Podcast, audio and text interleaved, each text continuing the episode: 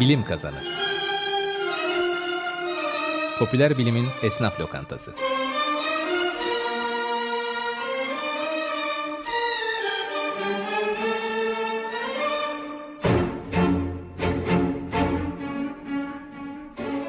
Hazırlayan ve sunanlar İlker Öztop, Alp Sipahigil ve Aysu Uygur.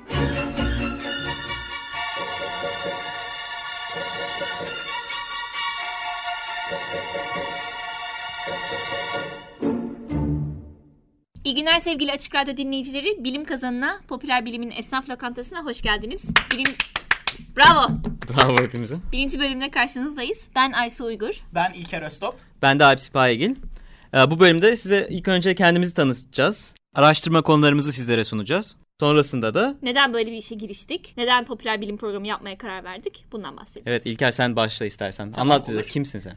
Kimsin sen? Biz üçümüz de doktor öğrencisiyiz Amerika'da Harvard Üniversitesi'nde. Ben viroloji departmanında devam ediyorum çalışmalarıma. HIV yani AIDS hastalığına sebep olan virüsün hücreleri enfekte etme sürecinde hücre çekirdeğine nasıl girdiğini anlamaya çalışıyorum. Temel bilim e, araştırması yapıyorum. Buraya gelmeden evvel İstanbul'da Boğaziçi Üniversitesi Moleküler Biyoloji ve Genetik bölümünde lisans derecemi aldım. Daha sonra Yale Üniversitesi'nde 6 ay teknisyen olarak çalıştıktan sonra gene retrovirüslerle ilgili bir laboratuvarda 8 sene evvel doktoraya başladım Harvard'da ve umarım bir ay içinde mezun olacağım. Peki İlker, e, bu 8 senede uzmanlık alanım ne diyebilirsin? Yani sana hangi konularda geleceğiz bundan sonra? HIV AIDS konusunda gelebilirsiniz, biyokimya konusunda gelebilirsiniz, e, genel viroloji konusunda gelebilirsiniz. Daha spesifik anlatmam gerekiyorsa da HIV bir retrovirüs. Yani kendi genetik materyalini e, çoğalabilmek için öncelikle enfekte ettiği hücrelere eklemesi gereken bir virüs. Normalde RNA'dan oluşuyor genetik materyali. Bizim hücrelerimizdeki genetik materyal ise DNA. HIV'in bizim hücremizi enfekte edebilmesi için kendi genetik materyali olan RNA'yı DNA'ya çevirmesi lazım enfekte, enfeksiyon sürecinde. Fakat bunu yaptıktan sonra o genetik materyali bizim çekirdeğimizdeki DNA'ya eklemlemesi gerekiyor. Bu da demek ki çekirdeğimizin içindeki DNA'ya ulaşabilmesi lazım, erişebilmesi lazım. Fakat HIV'in enfeksiyon sürecinde vücudumuzda enfekte ettiği hücrelerin hepsinde e, çekirdekteki DNA aslında ortada değil, açıkta değil. Yani ulaşılabilir değil. Özellikle AIDS'in e, ilerleme sürecinde e, önemli hücreler, e, dingin T lenfositler diye hücreler var, makrofajlar var, e, mikroglial hücreler var beynimizde. Bunlar sistemik bir enfeksiyona sebep olan e, hücreler ve bunların çekirdeği hiç bölünmediği için içindeki genetik materyal hiçbir zaman e, ulaşılabilir değil.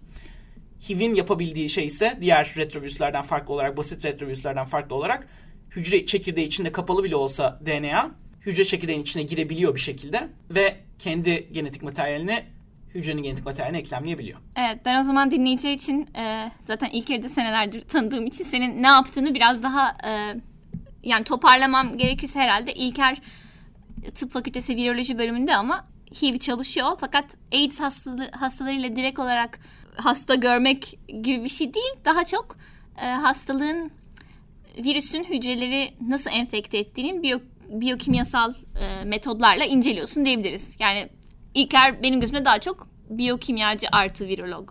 Değil mi? Öyle diyebilir miyiz? Çok güzel dedin. Beni benden güzel anlattın Aysu. Her zaman İlker'cim. Neler buldunuz peki İlker doktoranın sırasında? Ben doktoraya başladığımda yeni iki tane protein keşfedilmişti. HIV'in enfeksiyon sürecinde önemli olduğu düşünülen ve ilk tahminler bunun aslında hücre çekirdeğine girmeyle alakalı olabileceğiydi. Ben çalışmalarım sonucunda ikisinin de bunu yapmadığını gösterdim. Aslında anladığım kadarıyla bu özellikle biyolojik bilimlerde insanın karşısına çıkan bir problem. Yani sonuçların, deneysel sonuçların yeniden üretilmesinde bazen sorunlarla karşılaşılabiliyor. Evet bilimsel süreç biraz böyle ilerliyor. Birisi bir hipotez ortaya atıyor ve bunu destekliyor. Daha sonra başka bir grup hayır benim yeni bulduğum bulgular ışığında sizin hipoteziniz yanlıştır diyor ve bu tez antitezle nasıl işlediğini aslında her şeyin biraz daha aydınlığa kavuşuyoruz. Bir de genellikle şey gibi zaten. Yani bir olgu ilk önce gözlemleniyor. Bu olgunun şu sebeple olduğunu öne sürüyorum ben. Fakat daha sonraki araştırmalarla o olgunun hangi koşullar altında aslında o gözleme olanak verdiği açıklanıyor. Yani ilk mesela bir araştırma başladığında AB'ye sebep olur deniyor. İkinci, üçüncü, dördüncü aşamadaki araştırmalar aslında A'nın B'ye sebep olması için şu koşulların sağlanmış olması lazım gibi daha detaylandırıyor araştırmayı. Evet. Yani sürekli hani evvelki bilgiyi yalanlayarak ilerlemiyor da evvelki bilginin nasıl daha detaylandırıldığında doğru olduğunu açıklamak üstüne. Doğru. Aslında yanlışlayarak değil de biraz da e, yeni bilgiler bularak yorumumuzun değişmesi. Evet. Aslında bulunan bilgiler yanlış diye değil ama farklı yorumlayabiliyoruz daha çok şey bildikçe. Mesela sen şeyden örnek verebilirsin. Yer çekimi kuvveti karşısında genel görelilik e, şeyi ya da Evet. kuantum e, etkileşimleri. Yani mesela bunlar birbirini yalanlamıyor ama birinin etkili olduğu koşullarda öbürü geçerli değil. Birinin etkili olduğu koşullarda öbürü geçerli değil ama ikisi de doğru. Evet, kendi koşulları altında ikisi de tutarlı kuramlar olarak. Evet, bu arada dinleyicilerimiz için tekrar hatırlatalım. Şu an Açık Radyo e, Bilim Kazanı programındayız. E, biz programın hazırlayan ve sunanlar olarak İlker, e, ben Aysu ve Alp. Önümüzdeki 6 ay boyunca size popüler bilimi sunmaya çalışacağız. O yüzden şimdi kendimizi tanıtıyoruz. Evet Aysu sen de devam edelim istersen. Sen Ben- bize çalışmalarından bahsedebilir misin? Tabii ben de Harvard e, Tıp Fakültesi Genetik bölümünde doktoramı bitirmek üzereyim. Hatta 7 saat sonra e, tez defansımı sunuyorum ve doktor oluyorum bugün. Alkış yok mu bana? Bundan sonra ilişki dinamiklerimiz biraz farklı olabilir. Doktor Aysu ve İlker'le Alp. E, bir üst as ilişkisi oluşacak tabii ki. Valla dördüncü bölümden sonra ben de doktor olacağım abi. Bir tek sen kalacaksın aramızda çaylak. Evet İlker de önümüzdeki ay doktorasını tamamlıyor Alp. Seni heyecanla Düşün bekliyoruz. artık. Tamam. Tamam ben de genetik departmanında e, embriyonik gelişim çalışıyorum. Daha çok organ oluşumuna bakıyorum ve e, organ oluşumu tabii ki embriyonik dönemin çok erken günlerinden itibaren yani mesela ben tavuklarda farelerde işte embriyonik gelişimin birinci bir buçuğuncu gününde omuriliğin oluşumunun dinamiklerine bakıyorum. Ek olarak el ayak oluşumunun beş parmaklılık bunun bir organ oluşumu olarak evrimsel sürecine de bakıyorum. Zaten e, bizim laboratuvarımız genel olarak e, organ oluşumu, embriyonik dönem ve evrimsel e, süreç arasındaki ilişkiyi araştırıyor. Yani farklı hayvanlarda nasıl geliştiğini mi karşılaştırıyorsun? Yani bazı şeylerin e, hangi mekanizmalarla olduğunu anlamak için farklı hayvanları karşılaştırmak gerekebiliyor. Genelde bilimde model hayvan olarak şu an sıklıkla fareler veya e, tavuklar kullanılıyor. Embriyonik gelişim için tavuk çok sık kullanılır çünkü e, tavuk yumurtasını açıp e, belli bir manipülasyon yapıp mesela bir ameliyat gerçekleştirip tekrar kapatıp 37 dereceye e, koyunca tavuğun gelişmeye devam etmesi civcivin e, çok kolay. O yüzden embriyonik e, dönem araştırmaları için genelde tavuk kullanılıyor. Fareler tabii ki memeli olduğu için e, aşamaların bir sonraki hedefi farelerde bunu gözlemlemek. Fakat sadece fare ve e, tavuğa bakarak e, hangi mekanizmaların sıklıkla korunduğunu, dolayısıyla daha önemli olduğunu anlayamayız. O yüzden e, ben diğer memelilere, diğer kuşlara da baktım araştırma sürem boyunca. Mesela bu beş parmaklılık projesi için e, toplamda fare, cerboğa, cerboğa da bir çöl faresi yine bir sür, e, kemirgen, at, e, deve ve domuza baktım. Yani totalde 4-5 hayvanla çalıştım. Bu beş parmaklılık dediğin farklı hayvanlarda farklı parmak sayısının nasıl evrimleştiğini çalışıyorsun değil mi? Evet yani aslına bak aslına bakarsanız e, bizim beş parmağımız var ama doğada da bir sürü farklı taksadan, bir sürü farklı e, biyolojik sınıftan hayvanın beş parmağı var. Mesela yaratının beş parmağı var. Doğru. E, balinaların aslında beş parmağı var fakat embriyonik dönem e, evrimsel süreçte bir tanesini kaybediyorlar dört parmakla. Şu an dört parmaklılar yani yüzgeç sandığımız organın altında. Yani dolayısıyla tetrapodların yani dört ayaklıların, atılarının beş parmaklı olma ve bu beş parmaklılığın korunma gibi bir durumu var. İşte yarasada, e, insanda, kemirgenlerde, kertenkelelerde beş parmaklılık çok yaygın. Fakat bazen hayvanlar bu sayıyı beşten indirebiliyor. Mesela tavuk kanadında üç parmak var. Ee, ki tavuk kanadı da işte insanın koluyla homolog aynı e, fonksiyonu gören bir organ. O zaman e, şunu soruyoruz. Evrimsel süreçte bu kadar sıkı korunmuş bir mekanizma nasıl oluyor da bazı hayvanlarda değişime uğrayabiliyor? Yani bu kadar Esnek. bu kadar esnek mi bu mekanizmalar? Buna bakıyorum. Peki şey um, benzer mekanizmalar ama farklı sonuçlar verebiliyor dedin. Bu böyle yapboz gibi bir şey mi? Birinden alıp öbürüne takıp mesela normalde dört parmaklı olacak bir hayvanı beş parmaklı yapabiliyor musun? Tabii yapabiliyorsun. Siz genetikçiler beni biraz korkutuyorsunuz. Yok kesinlikle bizim mesela projemizin bir sonraki aşaması bu çöl farelerinde hangi genetik sekansın üç parmaklılığa yol açtığını bayağı yaklaştık ve bulduk gibi. O sekansı alıp fareye taktığımız zaman üç parmaklı fare üretebilecek miyiz? Bunun bir sonraki aşaması bu. Ama bu insanları korkutmasın. Savcılığı. Ay suyu direkt çıkışta. Ama bu mesela şey için önemli. Şu an omuriliğe de bakıyorum. Omurilikteki hücrelerin e, aynı şekilde nasıl dizildiğine bakıyorum. Bunu karşılaştırdığımız zaman yani bir sürü organın oluşumu ile ilgili bir sürü şey öğrendiğimiz zaman farklı hayvanlardan istediğimiz özellikleri e, bir gün kendimize de e, Transfer uygulayabiliriz. Yani umarım. Mesela şu an bir sürü semenderde yani bu kollarını e, çıkartabilen, kolu kesince kolunu tekrar çıkarabilen hayvanlarda e, birçok genetik ve moleküler araştırma yapılıyor ki e, bulgular sayesinde bir gün kolu kesilen, ampute olan insanların e, tekrar kollarının çıkması sağlansın moleküler Sokulunun muydu? Bir lafı vardı. Sakalımız Sakalı- Sakalım.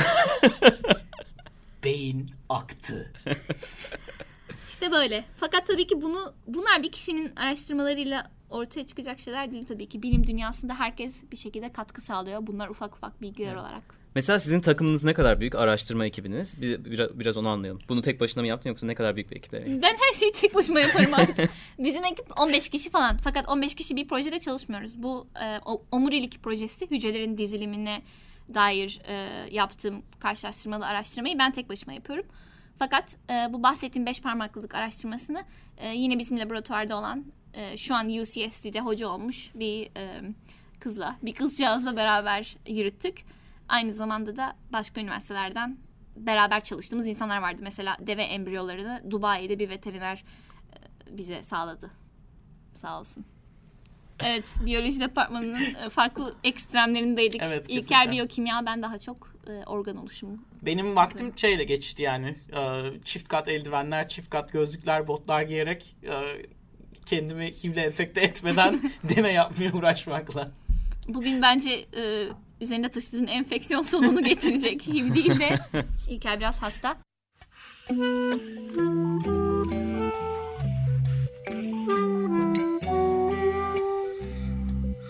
Mm-hmm.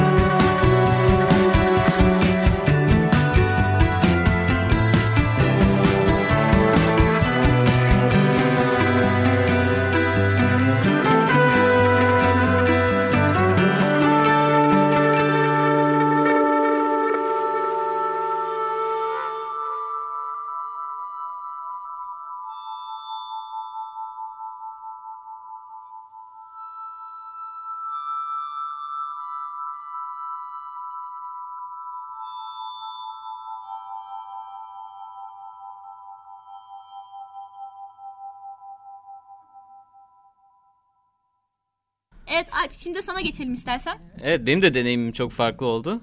Daha önce söylediğim gibi e, ben de deneysel kuantum mekaniği üzerine çalışıyorum. Ben bir deneysel fizikçiyim.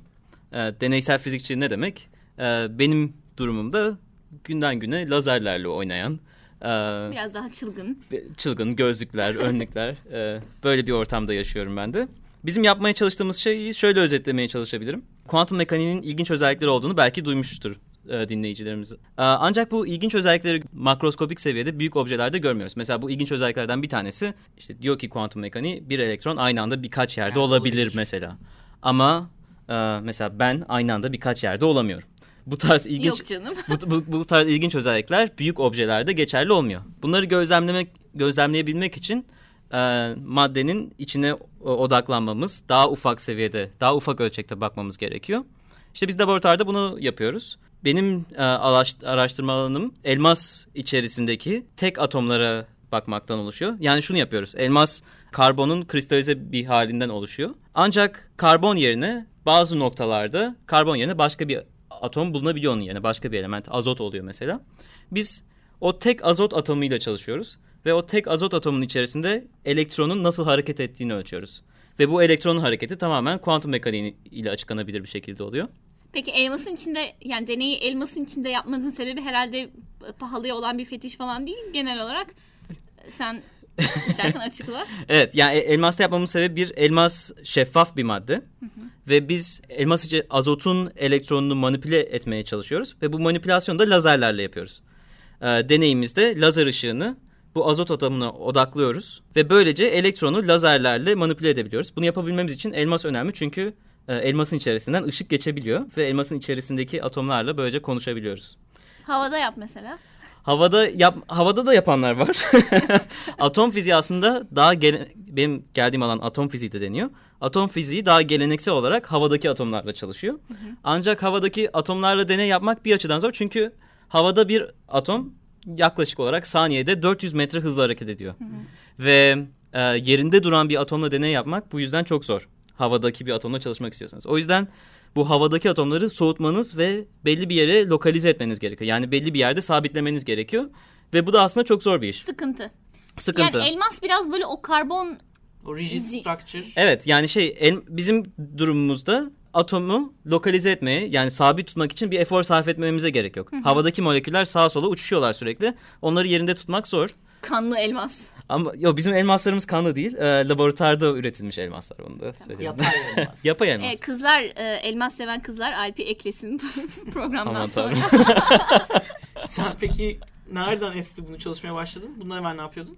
ben lisans eğitimimi e, Boğaziçi Üniversitesi'nde yaptım. E, aslında eğitimi ben elektronik mühendis Turizm bölümünde.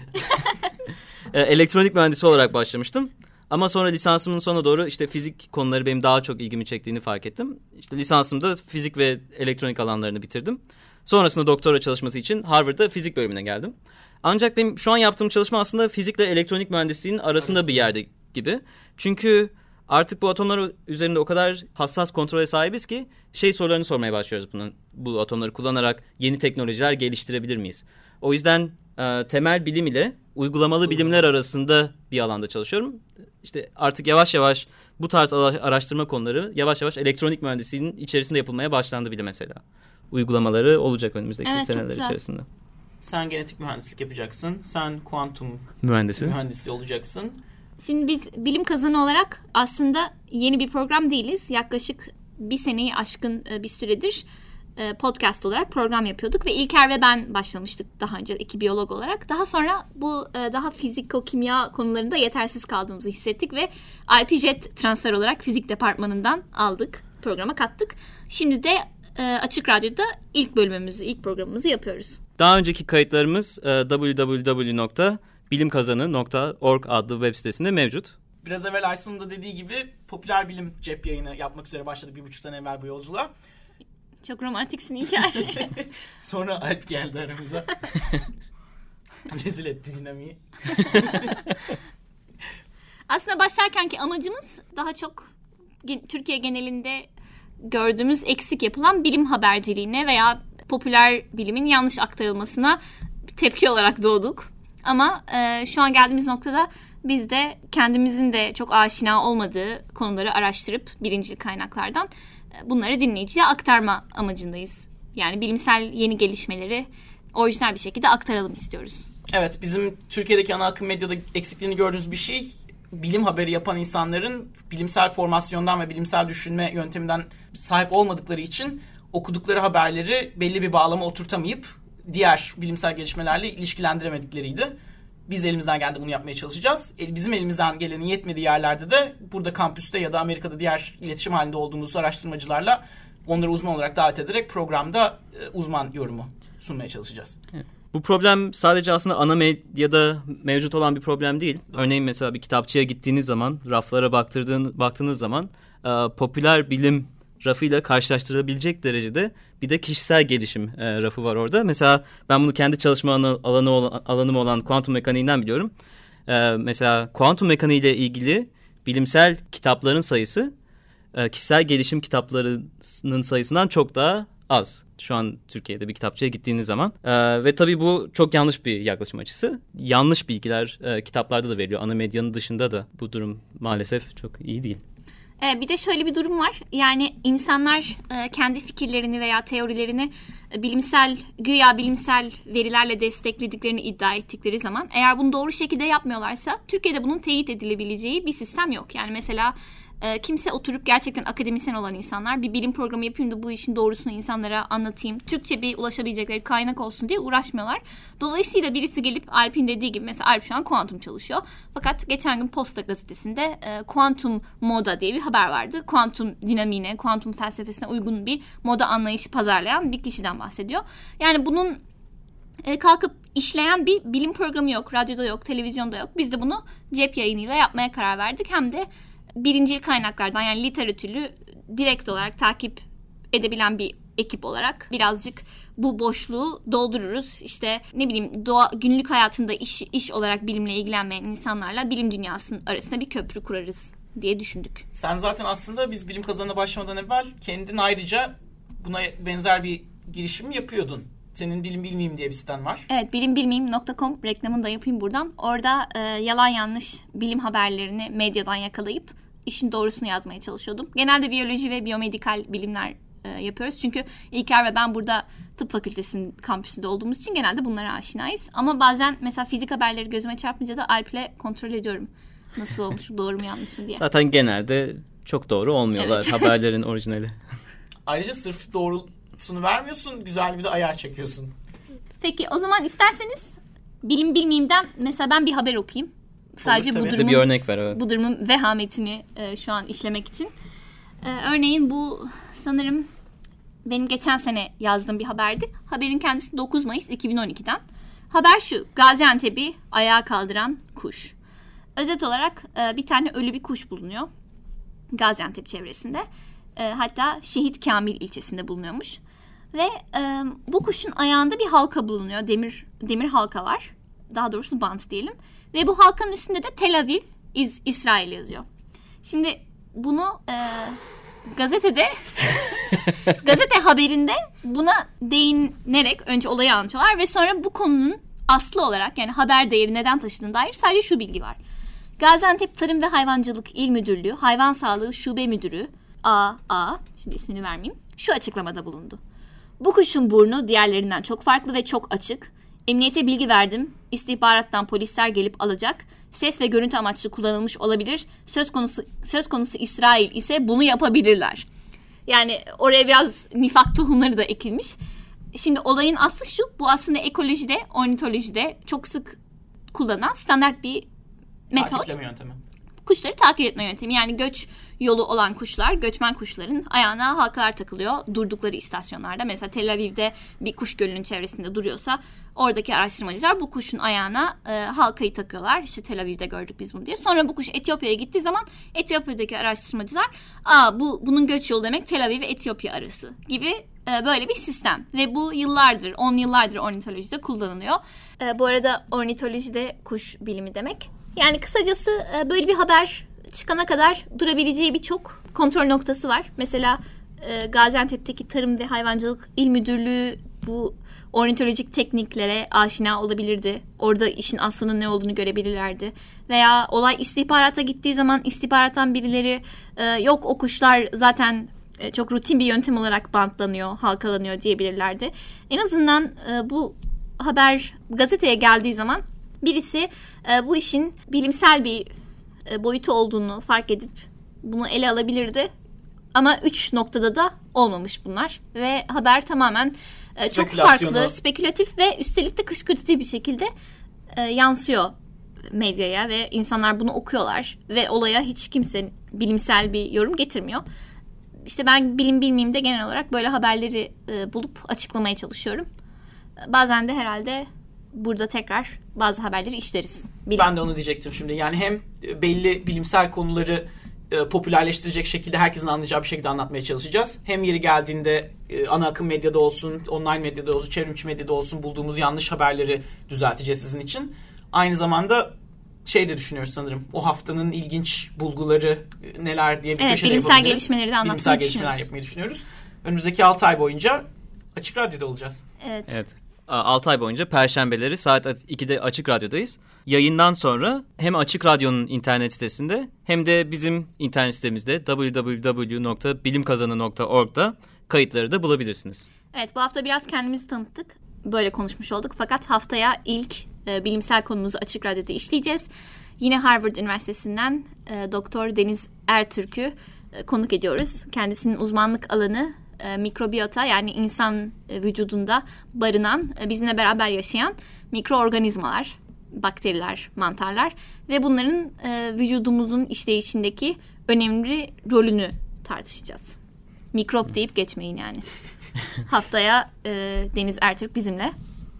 Bu vesileyle programı başlatmamıza ve programı yürütmemizde yardımcı olan Güven Güzeldere'ye kendisi sabahları Açık Gazete'de salı günleri Açık Bilinç köşesini yapıyor.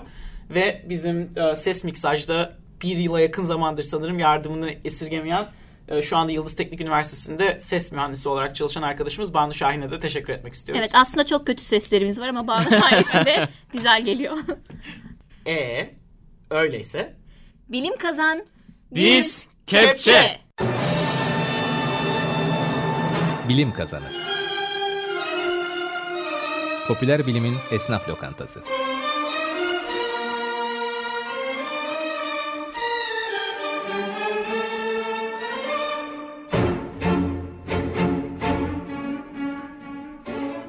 Hazırlayan ve sunanlar İlker Öztop, Alp Sipahigil ve Aysu Uygur.